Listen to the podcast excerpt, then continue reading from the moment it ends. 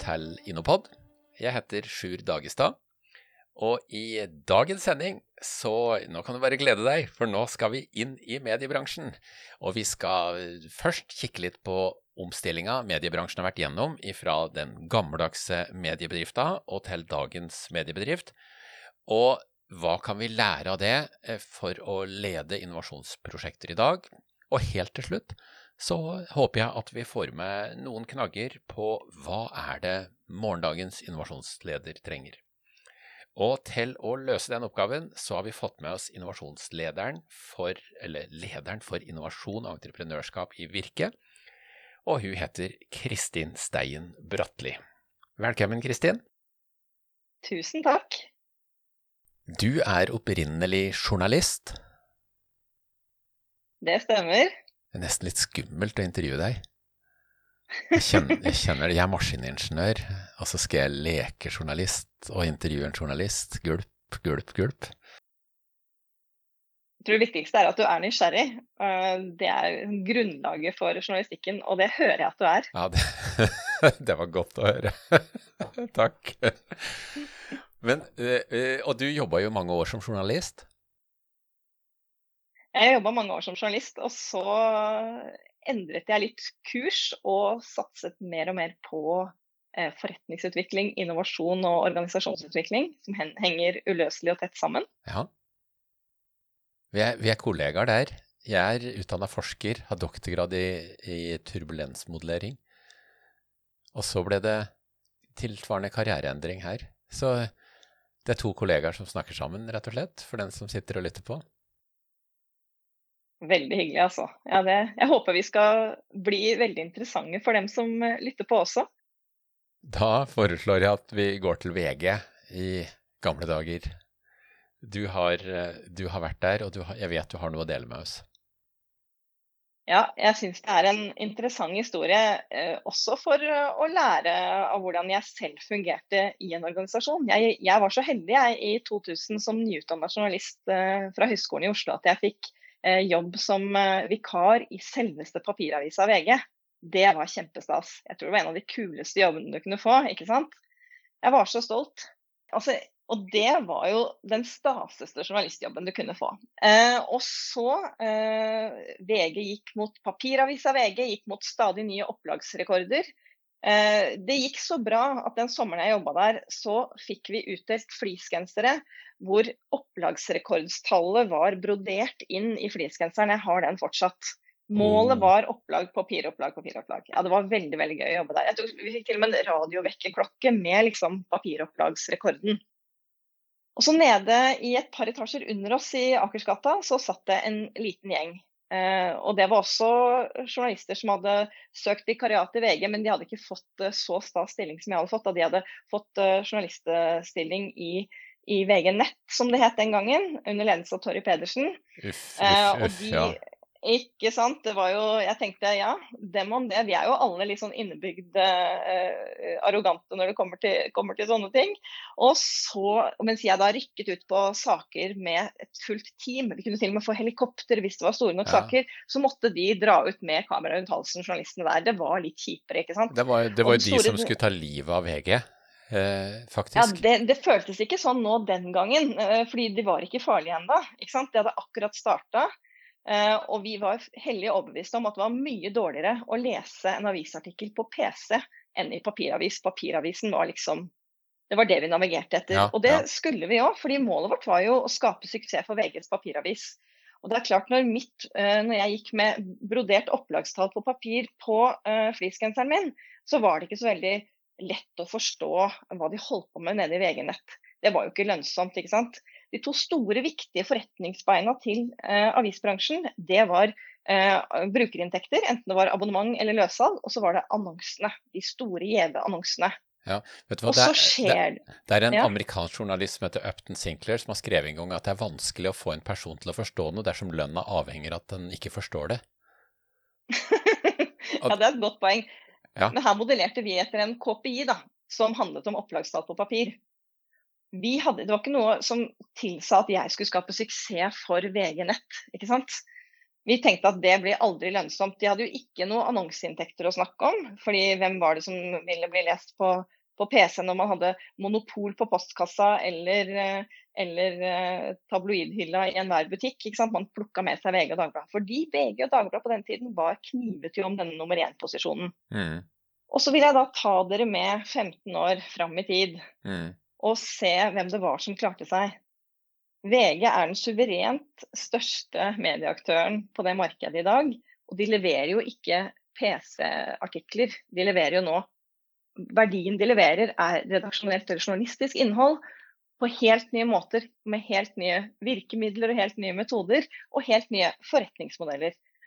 Og mitt poeng, hvorfor snakker jeg om dette når det gjelder innovasjon, det var at det er jo en nesten sånn floskel eh, at man eh, overvurderer virkningen av teknologi på kort, kort, sikt og undervurderer den på lang sikt. Men Dagbladet undervurderte den på lang sikt. Vi kunne fnyse litt av, av, det VG holdt på med. Men det VG holdt på med, tror jeg er en avgjørende egenskap skal man lykkes med innovasjon. Og det er da evnen til å både jobbe med den inkrementelle delen, altså den forsterkende delen på det du gjør. Altså du skal navigere mot et papiropplag, du skal forsterke det du jobber med i dag. Men du må også jobbe med det nye, det langsiktige, det framtidige. Og på et eller annet tidspunkt så fusjoneres jo disse, da, sånn som VG har gjort, til en kjempeposisjon. Det er ingen ja. tvil om at VG har fått den posisjonen i dag. Nei, du, du, du hadde eh, Før vi gønna på her, så hadde du et veldig fint ord på det. Du skal... ja, det er jo du kalte, jeg kalte det for tvehendig. Ja, tvehendig lederskap. Og jeg må si at uh, ja. som forfatter, så det varma mitt hjerte. Etter å ha mm. hørt på eh, ambidekstral ledelse og ambidekstrale team i årevis, så kom det endelig et godt norsk ord, tvehendig lederskap. Hjertelig tusen takk, Kristin. Altså, det var Det traff midt i blinken på meg. Det er ikke sikkert det treffer på lytteren, men jeg kan jo si som forfatter så traff det meg veldig godt. Så hyggelig. Jeg er opptatt av at, språk, at man skal begripe hva funksjonen av språk er. Og jeg har ennå ikke klart å uttale ambidextrous ordentlig på norsk, så jeg fant ut at vi må Men jeg tror faktisk at jeg har lånt det fra et sted. Jeg er ikke moren til det begrepet, men jeg syns det er godt, det også. Ja, jeg har aldri hørt det før, eh, så, så, det er helt supert. Men, eh, oss, eh, men var det fordi Torry satt og leda VG, var han viktig for å få det til? Ja, For det første var jo han en kjempetydelig ambassadør. Han var jo en våpendrager for det, den undergrunnsvirksomheten da, som VG-nett eh, var på den tiden. Han hadde en utrettelig tro på det digitale, og at det ville få en rolle å spille. Det er klart, hans uh, modige altså Han var litt sånn 'he put the skin in the game', som det heter. Han gikk liksom forrest i, i, på planken der og sa 'dette har jeg trua på', ja. følg med meg'. Det tror jeg var viktig, uten tvil. Uh, men han hadde jo i ryggen da et skipssted som forsto en del av dette. Finn er jo også en skipsstedssuksess, ja. hvor man har jobba veldig godt med digital innovasjon. Løftet det ut av moderskipet Aftenposten og latt det få egne vekstvilkår. Så jeg tror det at Skipsted skjønte det, og at de sto for det, at de jobba godt strategisk med det, var noen nøkler, da. Ja. Eh, sånn sett. Som har skilt dem fra de andre selskapene i mediebransjen. Godt, godt lederskap. Og tvehendig. Ja. Men du, eh, du sitter jo i Virke i dag, eh, og, og, driver jo med helt andre ting enn du gjorde som, som ung journalist. Men eh, har du noen eksempler fra, fra, innovasjon i Virke som vi kan trekke sammen med VG-erfaringa? Ja, absolutt. Og i mellomtiden, da, mellom VG og Virke, som er 20 år, så har jeg jobba som organisasjonsdirektør i et lite mediekonsern. Nettopp for å få på plass disse transformatoriske delene, som ikke bare handler om å finne teknologi eller finne Det handler jo i veldig liten grad om teknologi, det handler jo om å ta i bruk teknologi, men det handler jo like mye om å være tydelig på forretningen og forretningsstrategien din. Og så kommer det jo noen eh, det man kaller for eh, at burning platform på godt engelsk, men at det brenner under føttene på deg. Det kommer noen drivere som gjør at du må endre deg. Enten det er at markedet blir spist opp av andre, eller delvis spist opp av andre, eller det kommer en pandemi som plutselig fyrer opp under ja. føttene på virksomheten din. Så det vi ser i Virke nå, er jo at det skjer veldig mye av det samme som skjedde i mediebransjen, skjer også i tradisjonelle bransjer. Virke har 24 000 medlemmer. Veldig mange ulike bransjer innenfor handels- og tjenestenæringen. alt fra dagligvare og retail til, eh, til, eller handel, for å være norsk på det Ja, også, da, ja. til tjenestenæringer. Da, reiseliv, gravferd, eh, teknologivirksomheter og gründere, som jeg jobber mye med. Det, det er det samme som skjer. Vi går fra siloer til horisontaler, til Ja. samarbeid, til relasjoner som konstellasjoner som ikke har vært der før. Og mye av disse kommer jo i det nye næringslivet. Vet du hva, det, er- det, er- eh, du, du nevner siloer. Det, det er én ting Nå kan jeg snakke som innovasjonsprofessor. Det er én ting som forundrer meg grenseløst, og det er hvordan likesinnede klumper seg sammen. Og, og, og man kjører eh, ja, f.eks. samlinger. Jeg vet Reiselivsbransjen har nærmest doktorgrad på å kun treffe sine egne og kun lære av sine egne. Og så vet jeg på den andre sida så er innovasjon består i å bryte eh, eller få inn andre kulturer, andre fagfelt, andre ting. Altså det består i å gå på tvers. Så, så, så jeg står der som innovasjonsprofessor på sidelinja med sånn der sikksakksmil om munnen og ser hvordan bransje for bransje for bransje nærmest gjør det de kan for å ikke fornye seg, mens de sier at de fornyer seg. Det, det, dette er betraktninger som, som står for egen regning, for å si det sånn, men, eh, men jeg vil bare dele det med deg som kollega. Ja, men jeg tror du på sett og vis kan ha rett eh, i noe. Og så ser jeg jo at mange er blitt veldig flinke til å, til å søke samarbeid. Men jeg tror at det er et par sånne stikkord her som er fellesnevnere for dem. Da. Det handler jo om å forstå hvordan man faktisk skal navigere utenfor sin egen lille trygge andedam. Ja, Det var en reise mediebransjen også måtte gå. Vi måtte jo lære av aktører som hotels.com, altså de plattformene, plattformteknologiene som hadde kommet, for å forstå å gå fra en lineær modell, til, altså en verdikjedemodell, til et ja, ja. verdinettverk, da, som, som mediebransjen gjorde. Det er jo veldig annerledes. Og i den navigasjonen der å bli trygg nok til å forstå hva man, og hvem man må samarbeide med, det tror jeg er eh, utrolig viktig da, før man kan gjøre det. Men jeg tror du har rett i at man må våge kanskje å ikke da og det andre er jo nettopp å skille mellom den eksisterende virksomheten og framtida. Ikke tro at du ved å søke noe nytt eh, ødelegger for det eksisterende. Ref. VG-eksempelet. Det tror jeg er viktig. jeg har to ganger har jeg vært på Tesla-fabrikken. Altså jeg har hatt med meg folk til USA på studietur, og to ganger har vi vært innom Tesla-fabrikken og, og sett på hvordan ting skjer der. Og, og, og det, en ting som jeg syns har vært påfallende, det er at de eh, forteller om lederskapet sitt. Og, og hvor viktig det er. Og på veggen eh, De har et sånt svært rom hvor det sitter 700 mennesker og jobber. altså Det, det, det er i USA. Det, det hadde aldri funka i Norge. Men der står det noen sånne jeg gjorde det i hvert fall før, noen sånne svære skilt på veggen, og det er hvilke firmaer ledere har kommet ifra.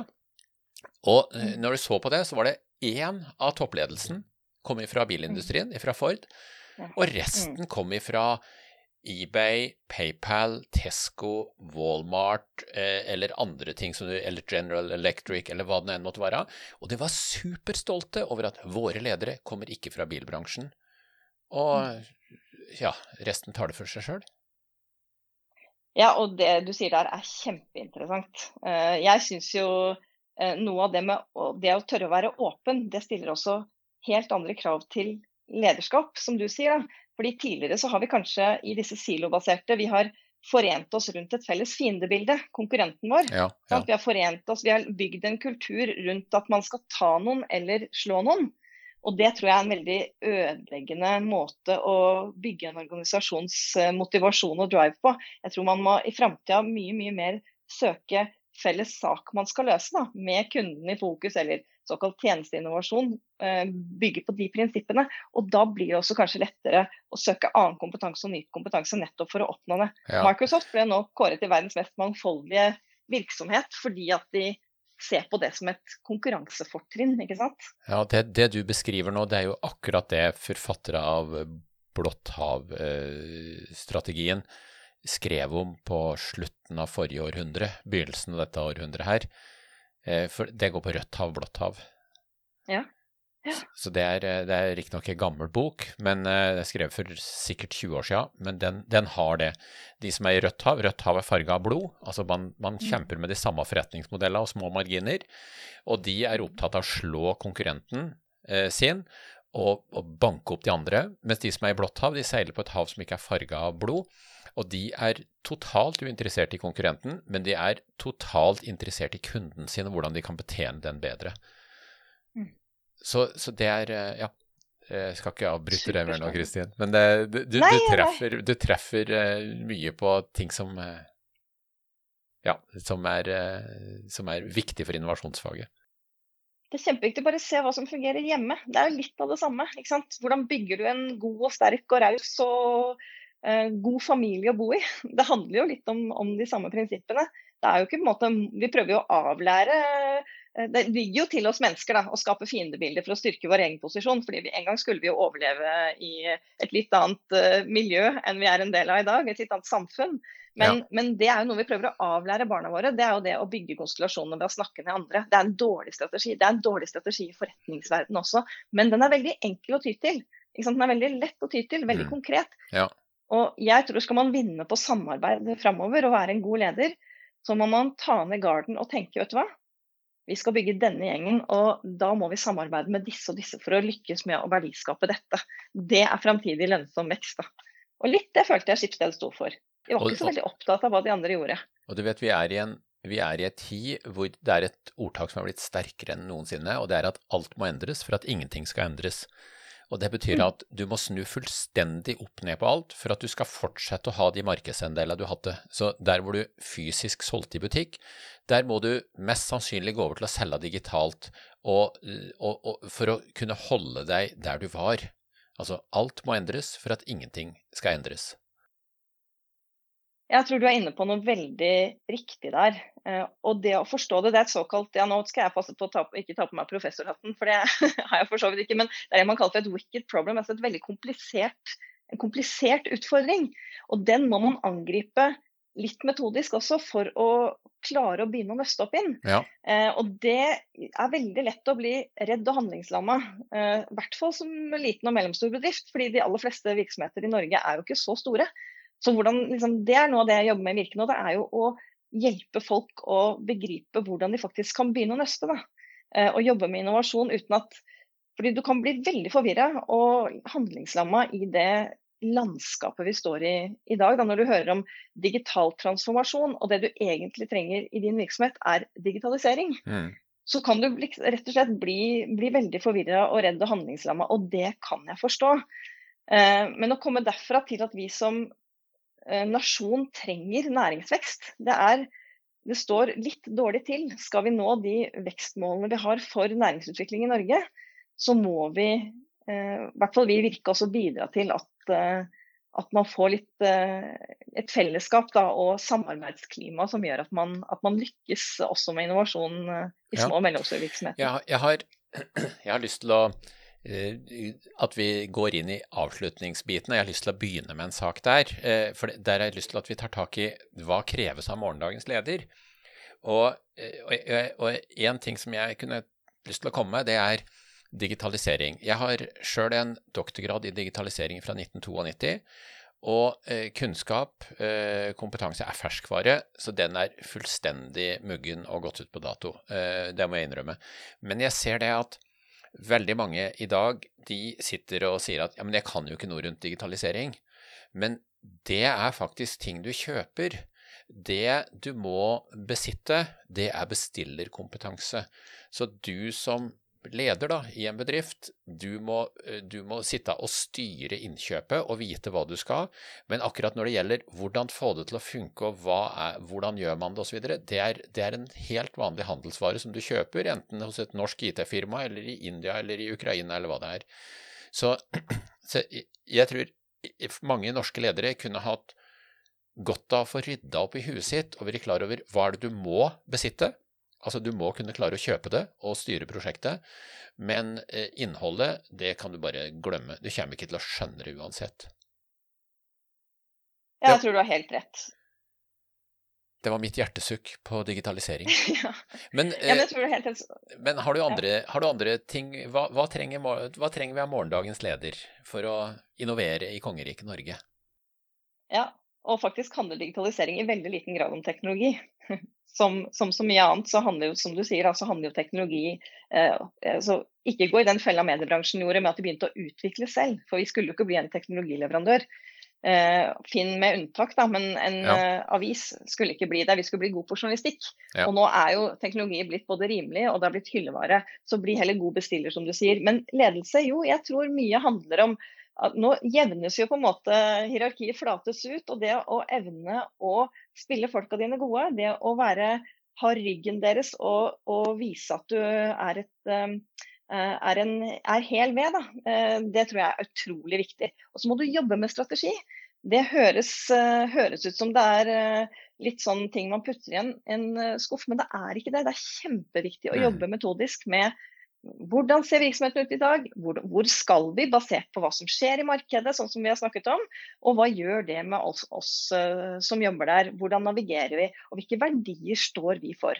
Og så Mm. må du ha empati som menneske, fordi når teknologi overtar, så er det menneskene og menneskelige kvaliteter som eh, blir stående igjen. Eh, og størst av dem er faktisk, holdt jeg på å bli litt, eh, litt eh, spirituell men, men størst av dem er faktisk empati. Det å evne å sette seg inn i andre menneskers situasjon for å spille dem gode, det mener jeg er helt undervurdert eh, i dag.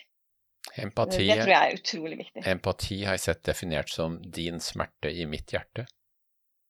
Ja, og det skiller seg fra sympati, for sympati er jo det å gjenkjenne sine egne følelser og sin egen situasjon i det Mm. andre står i. Men empati er faktisk ganske krevende. Mm. Fordi du må gå ut av situasjonen og stemningen du er i i dag, og inn i et annet ståsted uten å bli utålmodig. Da får du med deg folk. Sympati blir, som å, sympati blir som å betrakte, mens empati blir som å, opp, å, å, å faktisk oppleve. Ja, Altså, og det er jo noe helt annet. Ja. Ja, Kristin. Eh, hjertelig tusen takk for at du tok deg tur i studio og, og snakka med oss. Tusen takk for at jeg fikk lov å komme. Dette var veldig, veldig gøy. Og jeg, har, jeg nevnte jo innledningsvis at jeg har masse knapper på miksepulten min, og eh, under samtalen vår så oppdager jeg en ny knapp, så da tar vi den nå. Yes! Det var første gangen. Den var sikkert høy og fæl.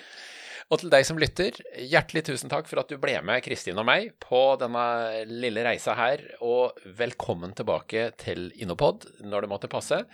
Lydmannen er i dag som før eh, Petter Strøm. Og jeg heter eh, fortsatt Sjur Dagestad. Takk for at du fulgte oss.